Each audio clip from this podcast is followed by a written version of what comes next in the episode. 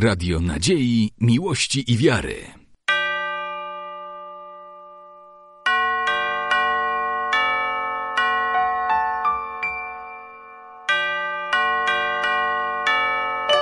Radio Ortodoksja. Studio Radia Ortodoksja witamy ojca Marka Ławreszuka, proboszcza parafii Zmartwychwstania Pańskiego w Białymstoku i jednocześnie kierownika Katedry Teologii Prawosławnej. Sława Jezusu Chrystu, witamy bardzo serdecznie. Sława wieki. Oraz ojca Piotra Makala, współautora zasad sprawowania nabożeństw prawosławnych, o których dzisiaj będziemy rozmawiać e, i jednocześnie opiekuna duchowego Kaplicy Świętych Cyryla i Metodego w Białymstoku. Sława Jezusu Chrystu. Sława wieki. Jak już wspomniałem, e, tematem przez który dzisiaj się spotkaliśmy, jest nowa publikacja pod tytułem Zasady sprawowania nabożeństw prawosławnych. I pierwsze pytanie, które rodzi się niejako mm, intuicyjnie i samoistnie, jest takie, w jaki sposób zrodziła się idea, aby taka publikacja powstała. I ja jednocześnie już drugie pytanie tutaj pragnę e, niejako przemycić. Skoro to tytuł Zasady sprawowania nabożeństw, to mm, te zasady niejako obejmują sprawujących, czyli publikacja niejako dedykowana jest do duchownych, czy również obejmuje czytelników e, jako wiernych, przeciętnych wiernych, którzy, którzy e, uczestniczą w tych nabożeństwach? Idea, y, która y, przy, przyczyniła się do stworzenia e, tego opracowania, to myśl, która funkcjonuje w naszej cerkwi już od wielu lat to próba przedstawienia naszej historii, naszej tradycji, naszej tożsamości. Y, pod słowem naszej rozumiem Polski Autokefaliczny Kościół Prawosławny. Niezależna cerkiew y, rozwija się E, samodzielnie. E, samodzielnie wypracowuje pewne metody współistnienia w, w, świecie świeckim, ale również pewne tradycje duchowe rozwija i jeżeli wędrujemy po różnych autokefalicznych cerkwiach, z pewnością zaobserwujemy drobne różnice. Nie są to różnice związane z doktryną, z nauczaniem, e, z sprawowaniem sakramentów, ale często e, rzeczy, które wypływają czy to z mentalności określonych narodów, czy to z uwarunkowań, w jakich e, e, żyją. Nasza cerkiew jest autokefaliczna, samodzielna i stąd jego eminencja metropolita Sawa od wielu lat wskazuje na konieczność przedstawiania fundamentów, na których y, funkcjonujemy. To nie są tylko praktyki liturgiczne, to również y, prawo kościelne, przepisy wewnętrzne y, naszej cerkwi, nasz kalendarz, nasi święci, nasza hagiografia ikonografia, więc te zasady wpisują się w pewien taki naturalny rytm rejestracji naszej e, tożsamości, naszej tradycji. A wracając do drugiego pytania, e, no właśnie, zasady sprawowania nabożeństw. Wydawać by się mogło, że sprawuje duchowny i że to do nich, do duchownych jest kierowana ta publikacja, ale wiemy, że duchowny sam dla siebie sprawować liturgii nie może, tak? A więc niejako pociąga już to w pewien sposób wiernego, który musi być przynajmniej jeden gdzie dwoje lub troje w imię moje, tam ja pośrodku nich, mówi Chrystus. A więc czy, czy można tak powiedzieć, że ten wierny też sprawuje, czy będzie to nadinterpretacja, czyli do jakiego grona kierujemy te publikacje i, i czy możemy podciągnąć e, te sprawowanie do wiernych? Nawiązując do tego, co powiedział ojciec Marek, e, w naszej cerkwi e, ze względu na otwarcie granic, na możliwość podróżowania pojawiły się e, różne praktyki. Duchowni często podróżują i starają się brać te dobre wzorce z innych cerkwi. To może rodzić pewien niepokój wśród wiernych.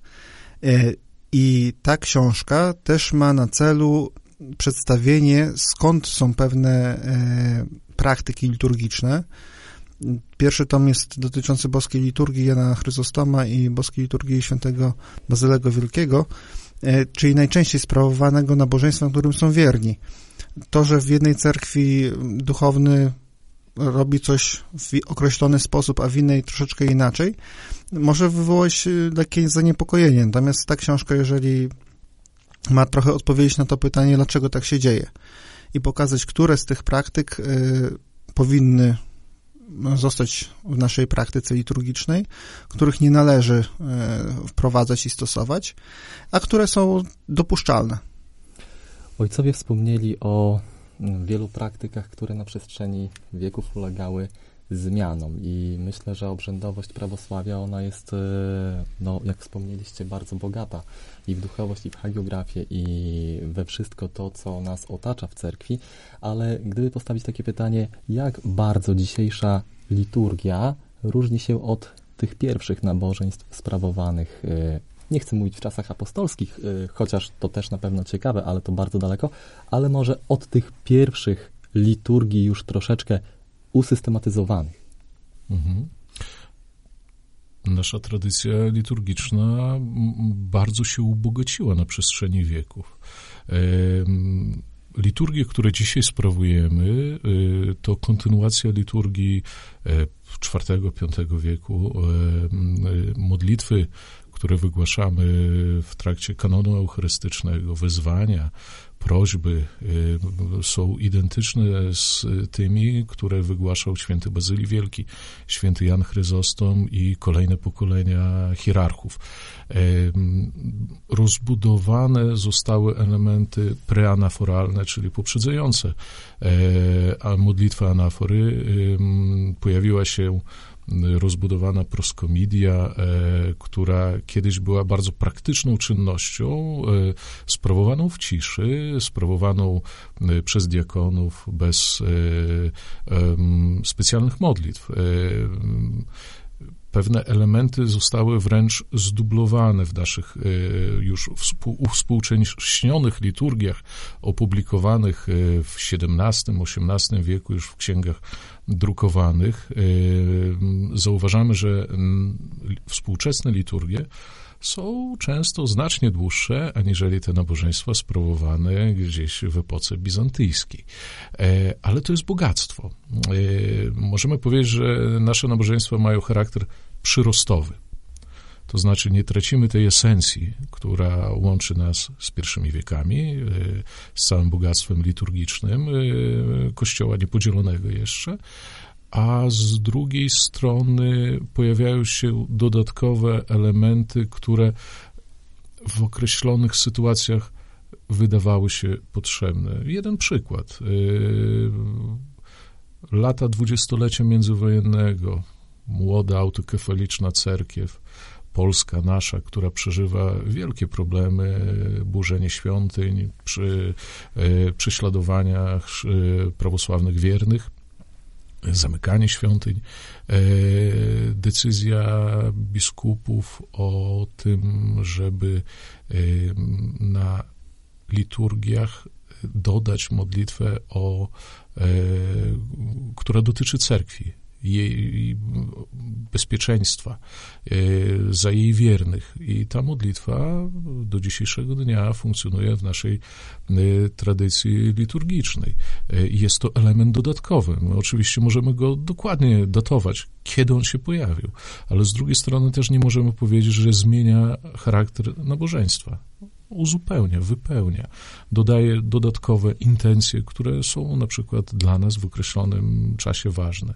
Teraz rosyjska cerkiew w okresie kryzysu e, ukraińskiego e, również e, decyzją biskupów uzupełniła modlitwy liturgiczne o modlitwę o pokój na Ukrainie.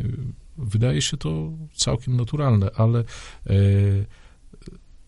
duchowni, wydaje się, powinni przede wszystkim wiedzieć, y, mm, skąd jakiś element się wziął, a bardziej też y, y, po co się w nabożeństwie pojawił.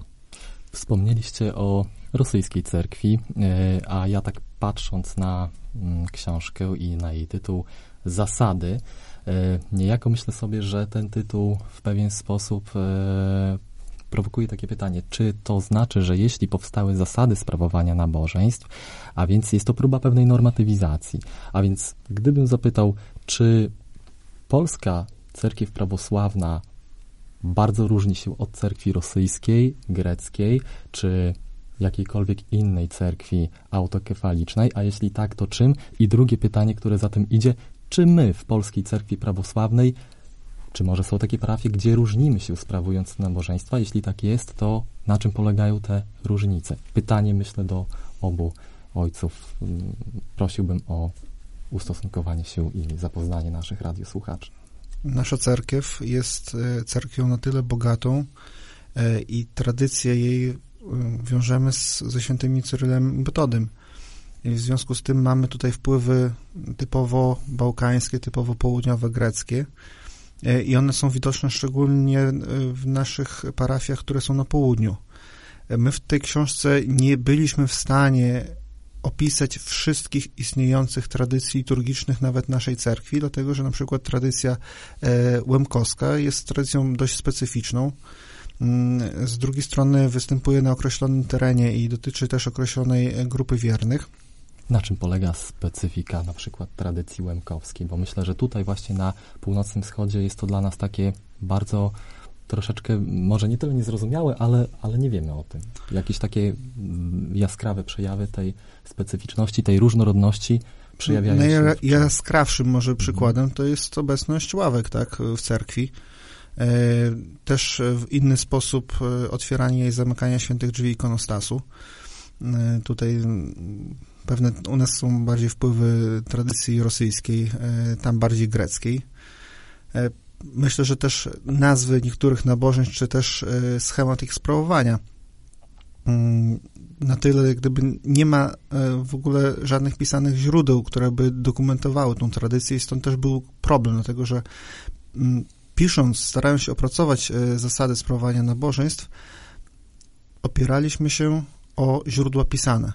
Przede wszystkim podstawowe teksty, które są zawarte e, czy w liturgikonie, czyli służebniku, czy archieretikonie, czyli takim służebniku e, służby e, biskupiej.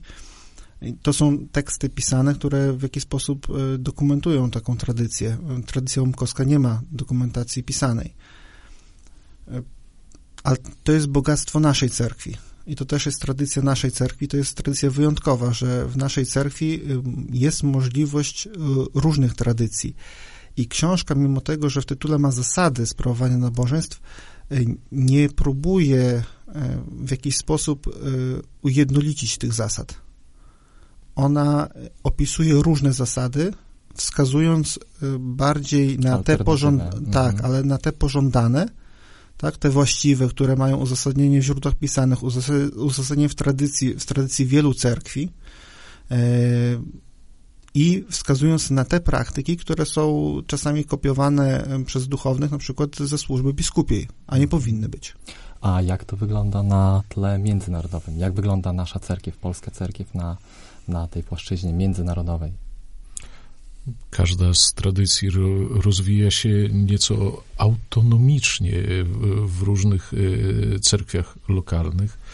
E, praktyka, dla przykładu, serbska, gruzińska, odzwierciedla ich e, własne przeżycia historyczne, doświadczenie, ale również potrzeby. Narody, które przeżyły Y, swoje jakieś tragiczne momenty, y, również akcentują, akcentują to w swoich nabożeństwach. Z drugiej strony cerkwie które mają bogactwo monastycyzmu, na pewno inspirują się modlitwą mnichów i to też wpływa na, na nabożeństwa nawet parafialne. E, więc tradycja naszej y, cerkwi oczywiście jest najbliższa obecnie tradycji y, rosyjskiej cerkwi prawosławnej. Wynika to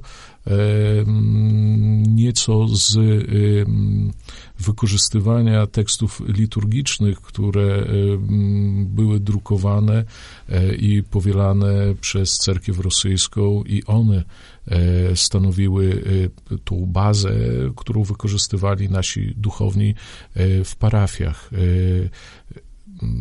Wydawnictwa polskiego autokefalicznego kościoła prawosławnego, liturgiczne księgi opisujące naszą praktykę i dopasowane do naszych potrzeb, w zasadzie pojawiły się od razu po uzyskaniu przez naszą cerkiew autokefalii.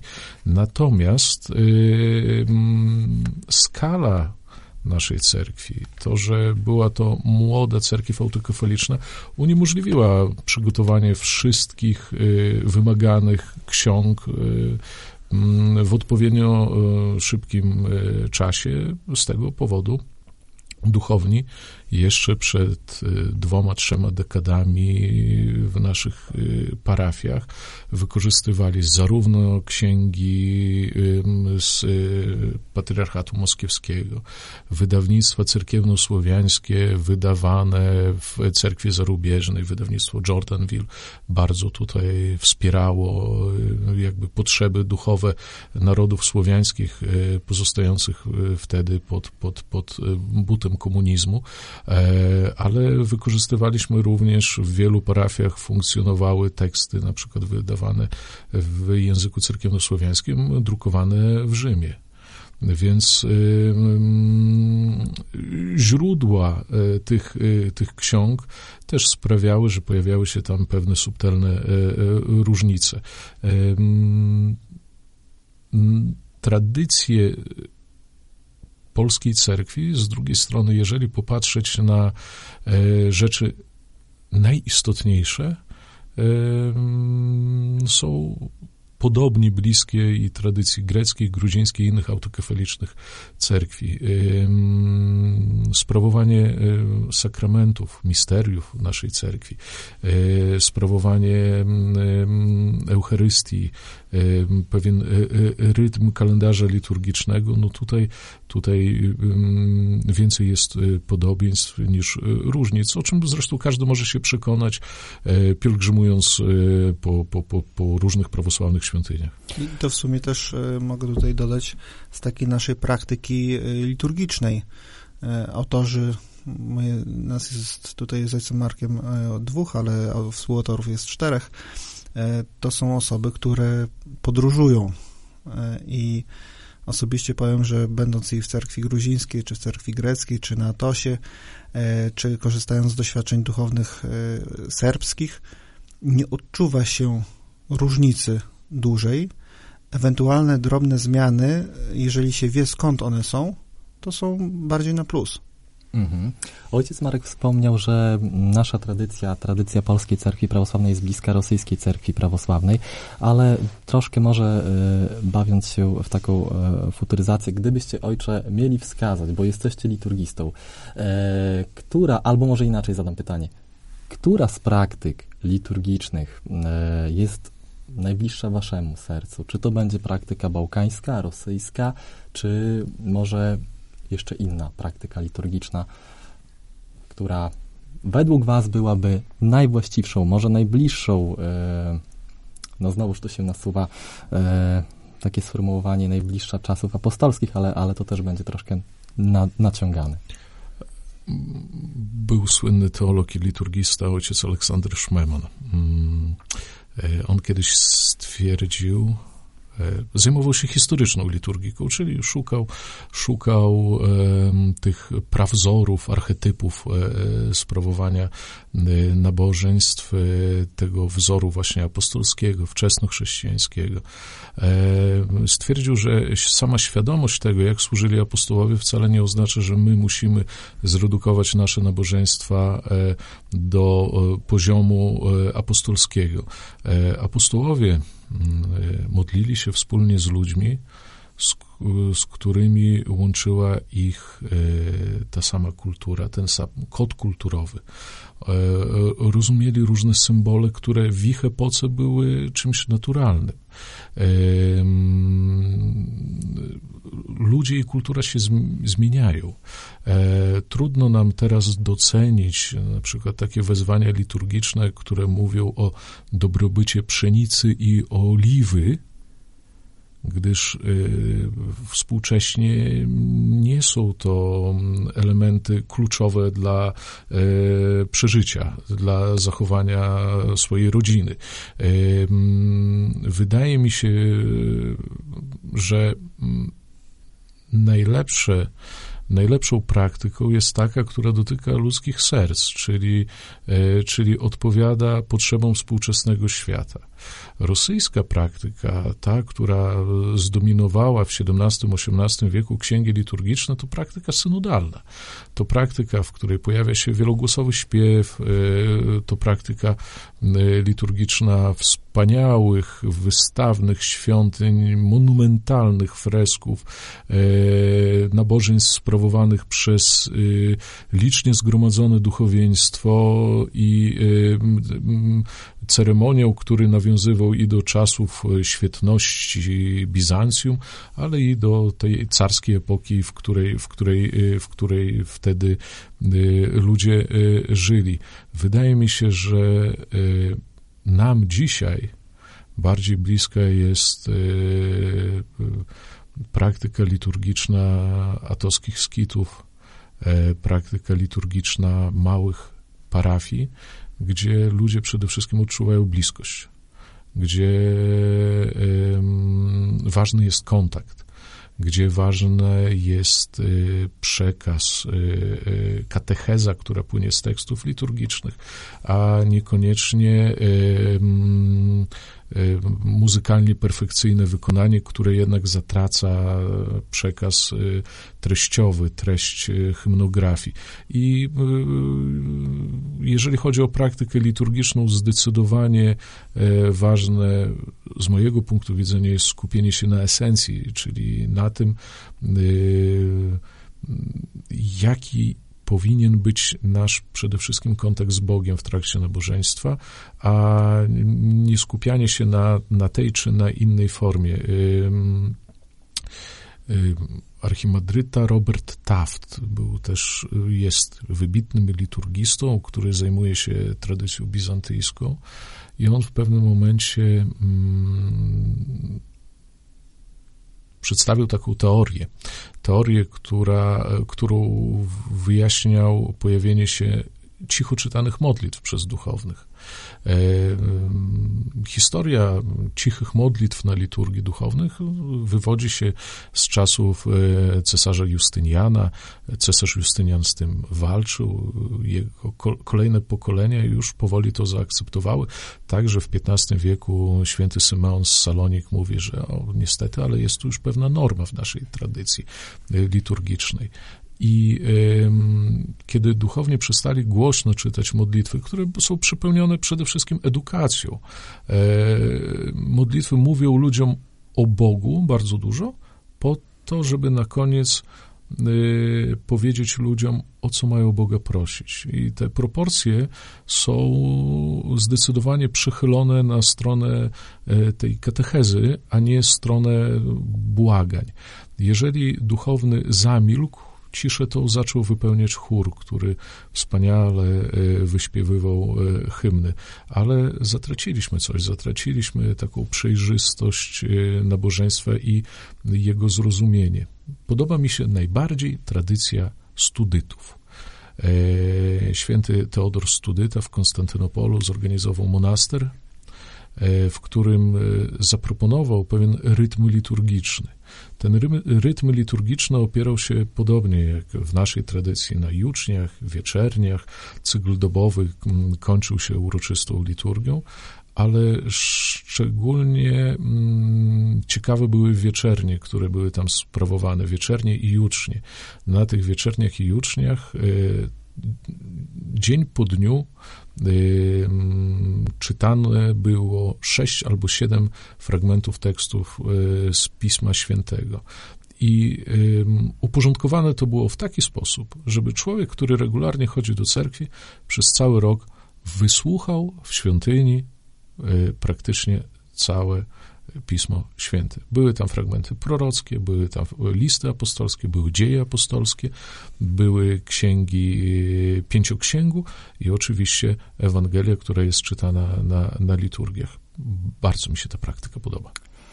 Książka jest bogata w wielką treść. My oczywiście o wszystkim nie powiemy z uwagi na czas antenowy, ale ja sobie wypunktowałem kilka takich, myślę, najbardziej, mm, najbardziej widocznych elementów w liturgii, które z perspektywy y, wiernego ulegają pewnym zmianom w różnych parafiach. I jest to proskomidia, Ewangelia i homilia, ektenia za dusze zmarłych oraz udzielanie świętej Eucharystii. I może zacznijmy od proskomidii, bo myślę, że nie każdy wierny ma szansę zobaczyć właśnie tę część y, nabożeństwa, powiem, które to nabożeństwo poprzedza świętą liturgię.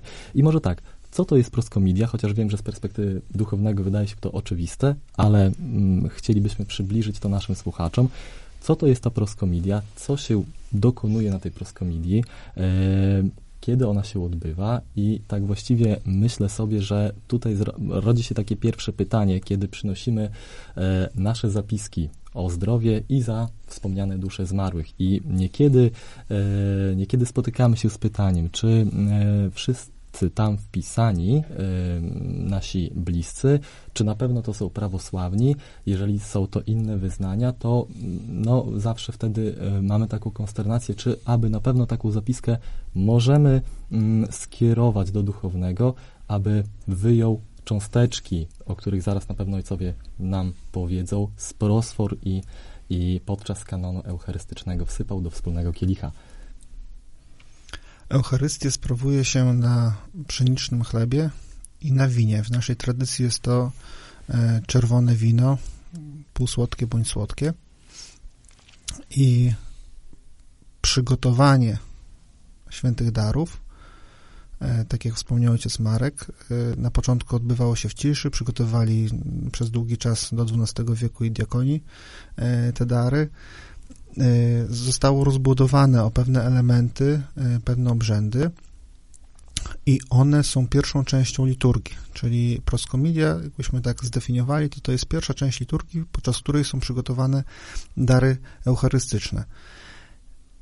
Wykraja się baranek, czyli agniec, y, tą część, która będzie łaską Ducha Świętego przemieniona w ciało Chrystusa, przygotowuje się wino zmieszane z odrobiną wody i wokół tego ardza, czyli baranka, układa się całą cerkiew.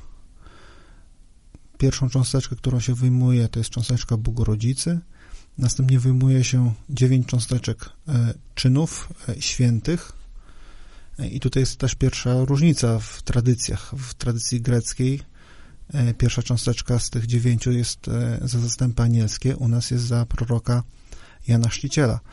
E, to też to, czego nie widzimy, tak, ale duchowni, jeżeli jadą gdzieś na południe i sprawują proskobię, to mogą się z tym spotkać.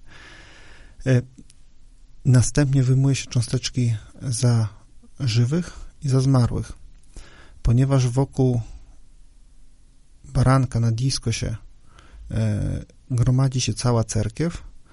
W związku z tym te cząsteczki powinny być wyjmowane za osoby, które są członkami cerkwi.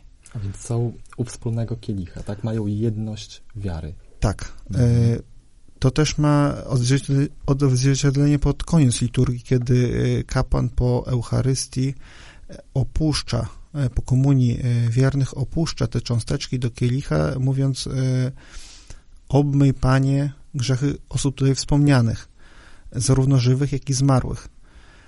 I to powoduje, że te cząsteczki powinny być wyjmowane za osoby, które e, są członkami cerkwi.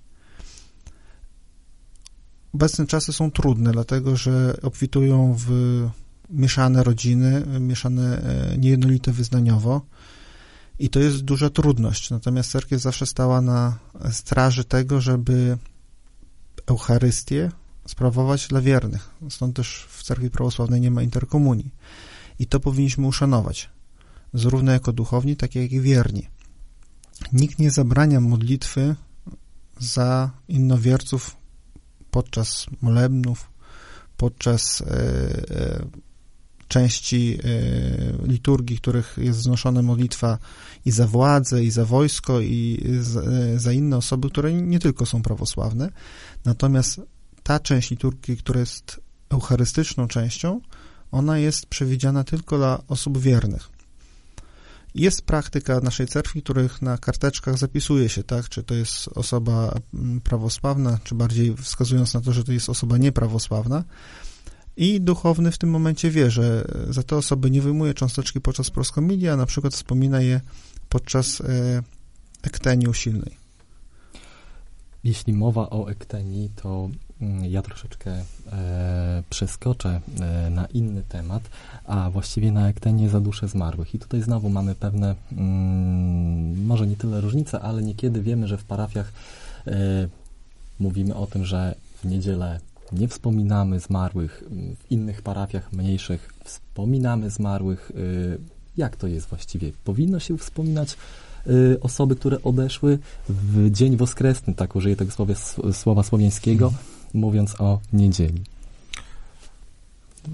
Mimo tego, że y, sprawowanie nabożeństw opiera się y, o pewne normy, które my w języku polskim nazwaliśmy zasady cyrkiewnosłowiańskich ustaw, to te normy jednak nie są rygorystyczne.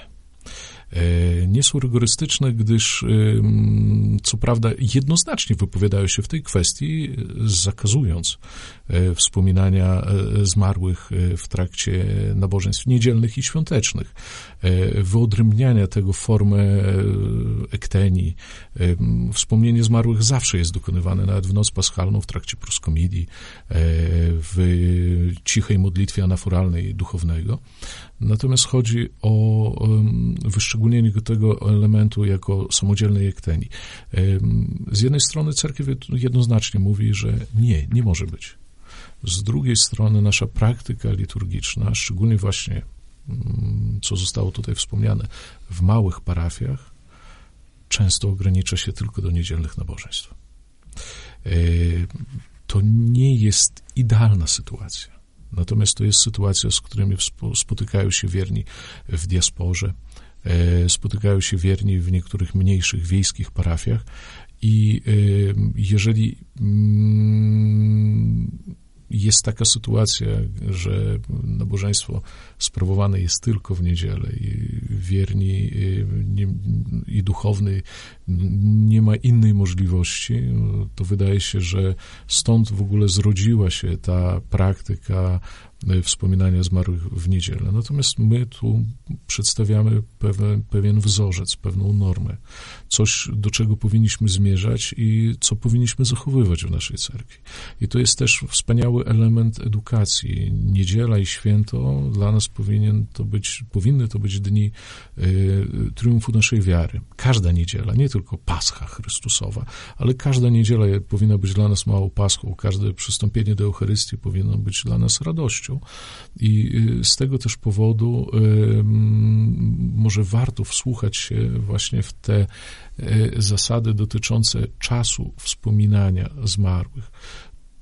To jest pewne wychowywanie nas w duchu, w duchu tej paschalnej radości i y, nie powinniśmy przedkładać swojego komfortu, swojej wygody czy swojego zdania e, ponad e, to. Wydaje mi się, że w naszej pozycji też zaakcentowaliśmy istniejącą w służebnikach praktykę. Bardzo istotny komentarz zapisany w, w księdze liturgicznej, wskazujący na konieczność tego, ażeby duchowny po zakończeniu modlitwy anaforalnej, w momencie, kiedy chór powoli śpiewa hymn Dostojny jest, bądź za dostojnik święta, wspominał w tym czasie tych, za których wznosił modlitwy e, w czasie proskomidii. To jest moment cichego wspomnienia. I praktyka naszej cerkwi to praktyka również tych wielu duchownych, którzy właśnie w tym czasie wspominają imiona tych, których wierni przynieśli na swoich zapiskach. E, to, że wierni tego nie słyszą, to akurat jest najmniej istotne. E, powinniśmy rozumiejąc nabożeństwo, powinniśmy też zrozumieć rolę każdego w, w, w, jej trakcie. Duchowny nie jest tym, który manifestuje wiernym, że wykonał swoje zadanie, które zostało mu przez nich powierzone. On swoim sercem, sumieniem, duszą staje przed Bogiem i wierni zgromadzeni w cerkwi, y, jeżeli wiedzą, że w tym czasie duchowny modli się właśnie żarliwie przed świętymi darami, przed y, ołtarzem Bożym, y, za ich bliskich, też powinni jednoczyć się z nim w tej modlitwie. I słowa, czy płynące imiona głośno wypowiadane wcale nie są tu najistotniejsze. Chciałbym jeszcze dodać, że my zatraciliśmy pewną taką całościowy taki ogląd, e, dlatego że jeżeli popatrzymy na tygodniowy cykl nabożeństw i tropariony i kondakiony, jakie się śpiewa od poniedziałku do soboty, to w każdym z tych dni śpiewa się na przykład kondakion za zmarłych, co świętymi upokoi. Czyli wspomina się też szczególnie zmarłych i to od poniedziałku do soboty. Sześć dni. A my y, patrzymy tylko na niedzielę w tym momencie niedziela jest szczególna. Oczywiście, tak jak ojciec Marek powiedział, są szczególne okazje i szczególne momenty i nikt y, nie będzie gdyby tutaj rygorystycznie podejmować, jeżeli się zdarzy, czy jakiś śmiertelny wypadek, czy jakaś tragedia, y, czy śmierć kogoś, tak, w parafii i parafia wzniesie za duszę tej osoby zmarłej szczególne modlitwy nawet w niedzielę ale to jest wyjątek od normy, a nie norma. Rozumiem. Jeszcze pozostając na chwilę przy Ekteni za dusze zmarłych i korzystając z okazji, że ojcowie są e, w naszym studiu, a wiem, że też e, zajmujecie się normatywizacją pisowni i czytając te publikacje natrafiłem na mm, właśnie sformułowanie odnośnie e, osoby, która już odeszła. Jest to, mówimy, do 40 dni nowo przedstawionej, prawda? E, jeśli mówimy o tym po polsku, próbujemy powiedzieć świętej pamięci, prawda?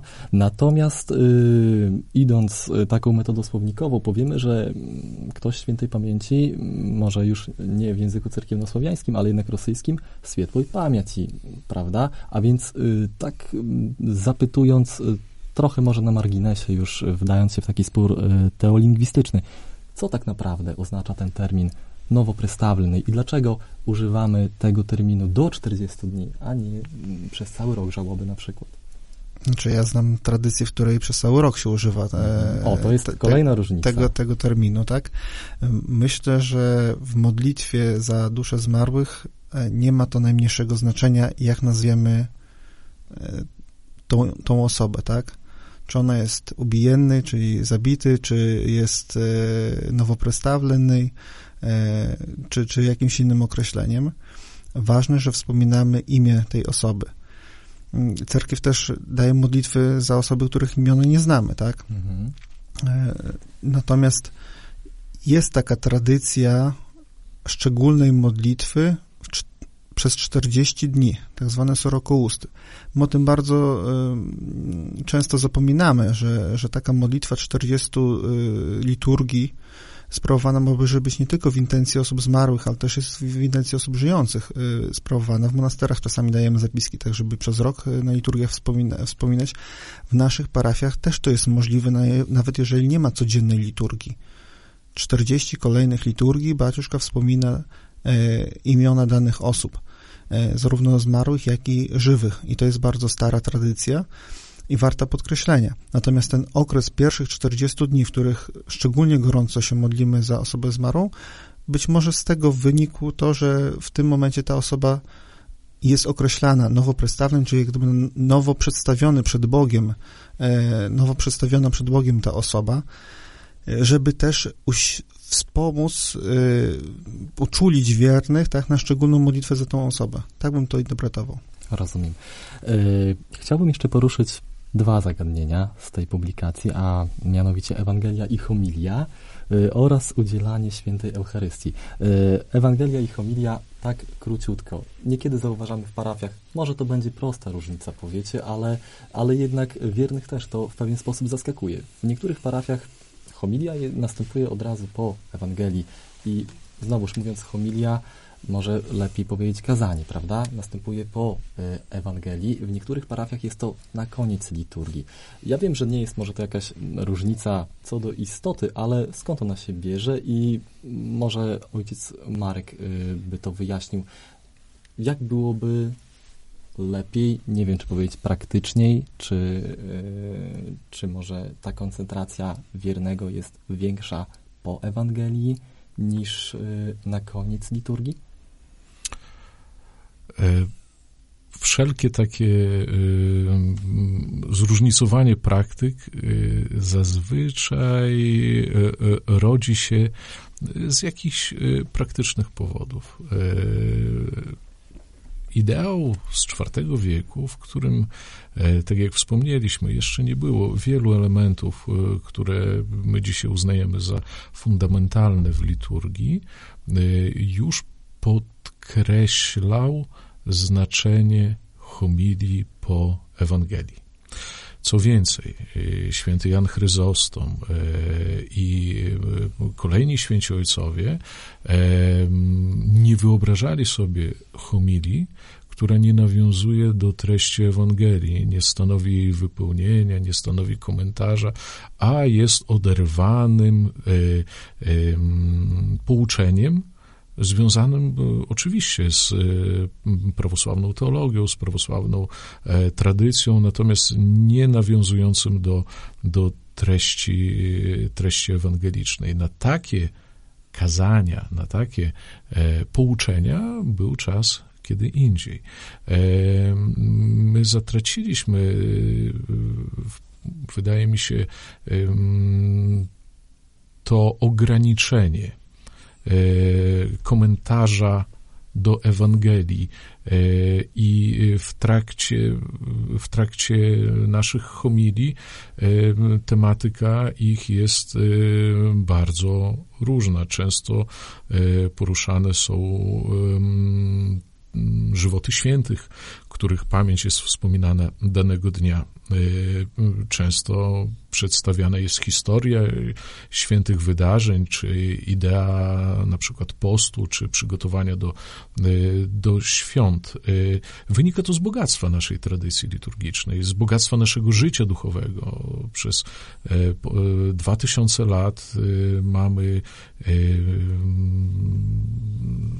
niezliczoną liczbę świętych, którzy, o, których, o których wierni nie zawsze wiedzą i których przykład życia e, jest e, cenną lekcją. Natomiast e, praktyka wczesnochrześcijańska wyraźnie rozróżniała homilię po Ewangelii, która dotyczyła czytań Pisma Świętego i, e, i innych pouczeń, innych katechez, które mogły mieć miejsce e, na przykład po nabożeństwie.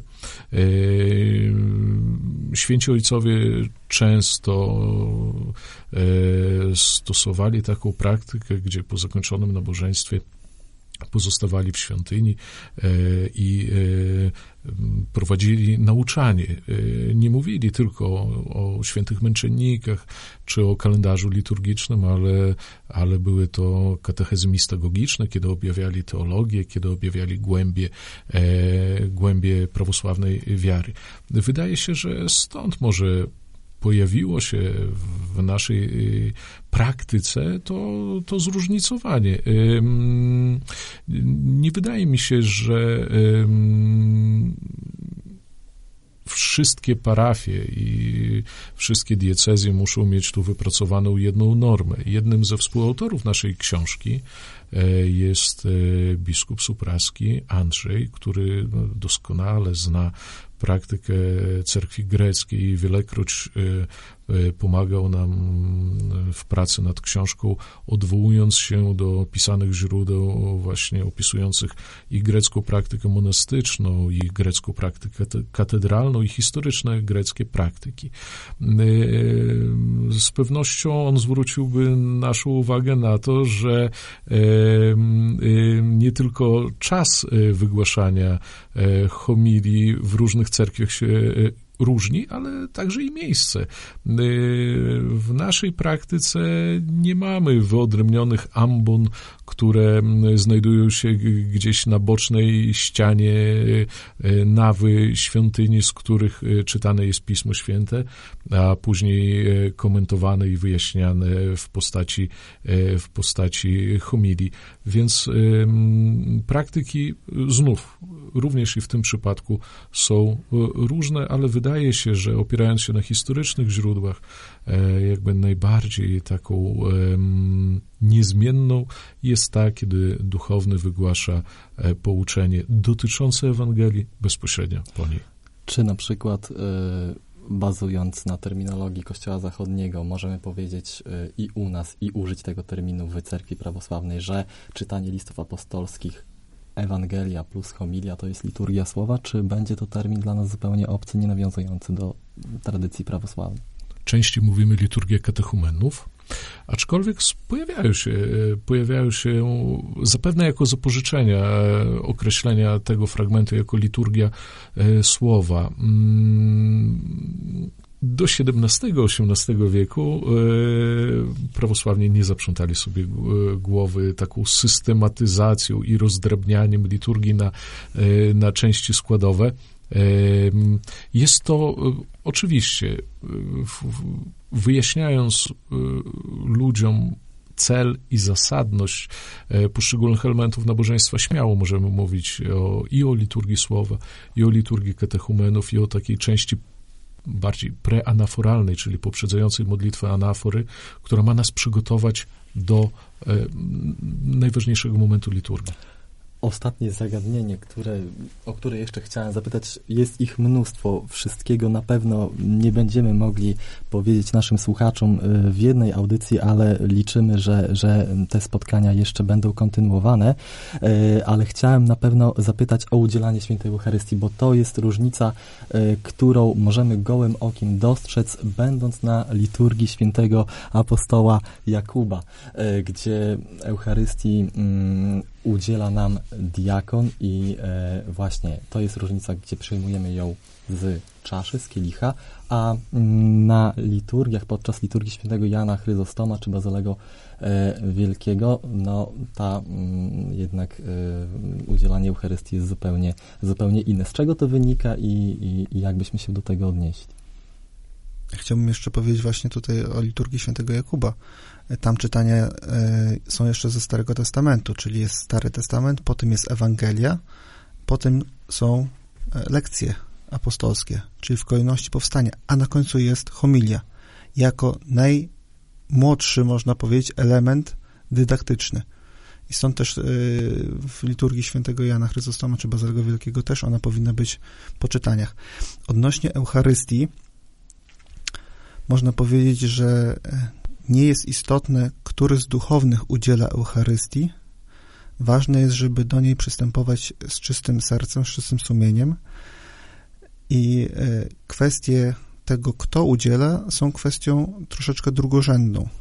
Jest pewna zasada mówiąca o tym, że jest hierarchia duchowieństwa i to biskup udziela Eucharystii duchownym, prezbiterom i diakonom, prezbiter udziela Eucharystii diakonom, i wiernym.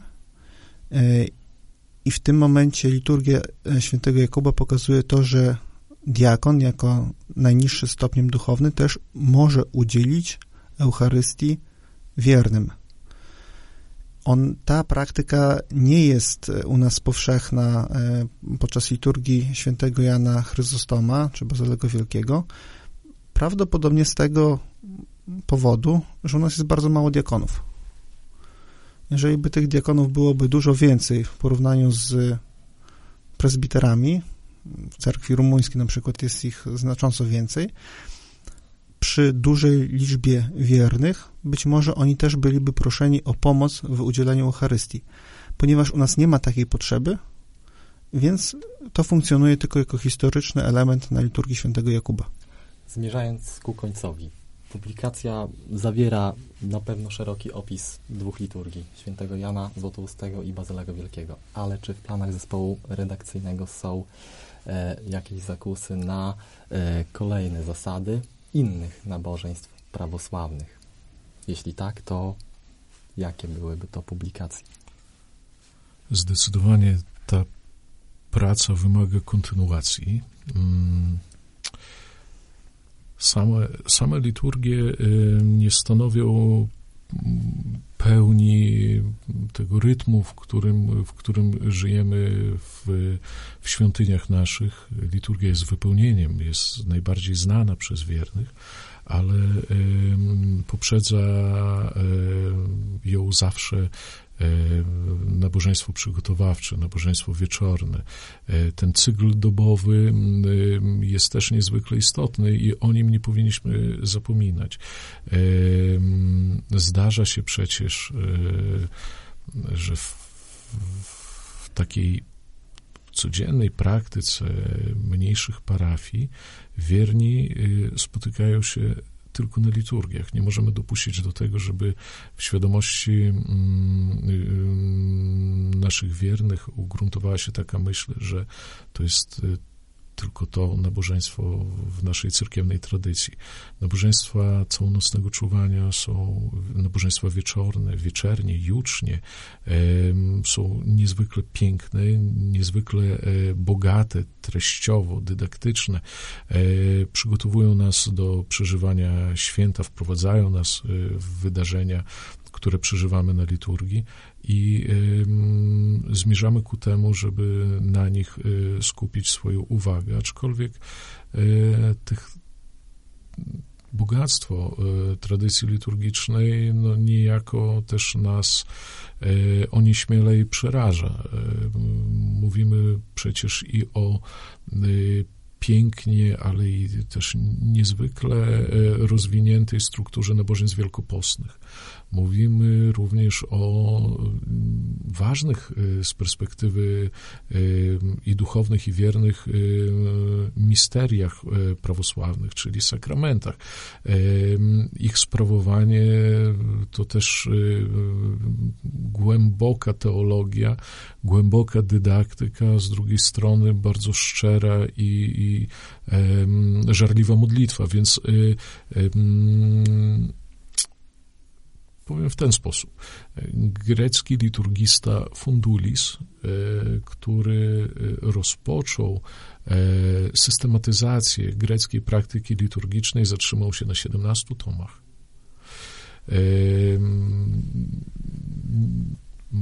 Mamy nadzieję, że uda się nam na przestrzeni kolejnych lat y, opracować przynajmniej tom drugi i rozpocząć pracę nad tomem trzecim. E, ta książka, o której dzisiaj rozmawiamy, to efekt y, spotkań y, grupy redakcyjnej, ale też i wielu osób, które nam w opracowaniu pomogły. Prace trwały ponad trzy lata. Więc y, można przypuszczać, że nie mniej czasu pochłonie praca nad kolejnymi y, tomami. Pracy na pewno jest bardzo dużo, ale my z niecierpliwością czekamy na kolejne tomy i tego życzymy grupie redakcyjnej. Ja przypomnę słuchaczom Radio Ortodoksja, że rozmawialiśmy dzisiaj na temat nowej publikacji Zasady sprawowania nabożeństw prawosławnych pod redakcją biskupa Andrzeja Borkowskiego, ojca Marka Ławreszuka, e, ojca Piotra Makala oraz ojca Włodzimierza Misiejuka. A gościliśmy i rozmawialiśmy dzisiaj z ojcem Markiem Ławreszukiem, proboszczem parafii prawosławnej Zmartwychwstania Pańskiego Białymstoku i jednocześnie kierownikiem Katedry Teologii Prawosławnej Uniwersytetu w Białymstoku oraz ojcem Piotrem Makalem, opiekunem duchowym kaplicy świętych Cyryla i Metodego e, w Białymstoku oraz współautorem publikacji. Za rozmowę serdecznie dziękujemy. Sława Jezusu Chrystu. Sława wieki. Radio Nadziei, Miłości i Wiary.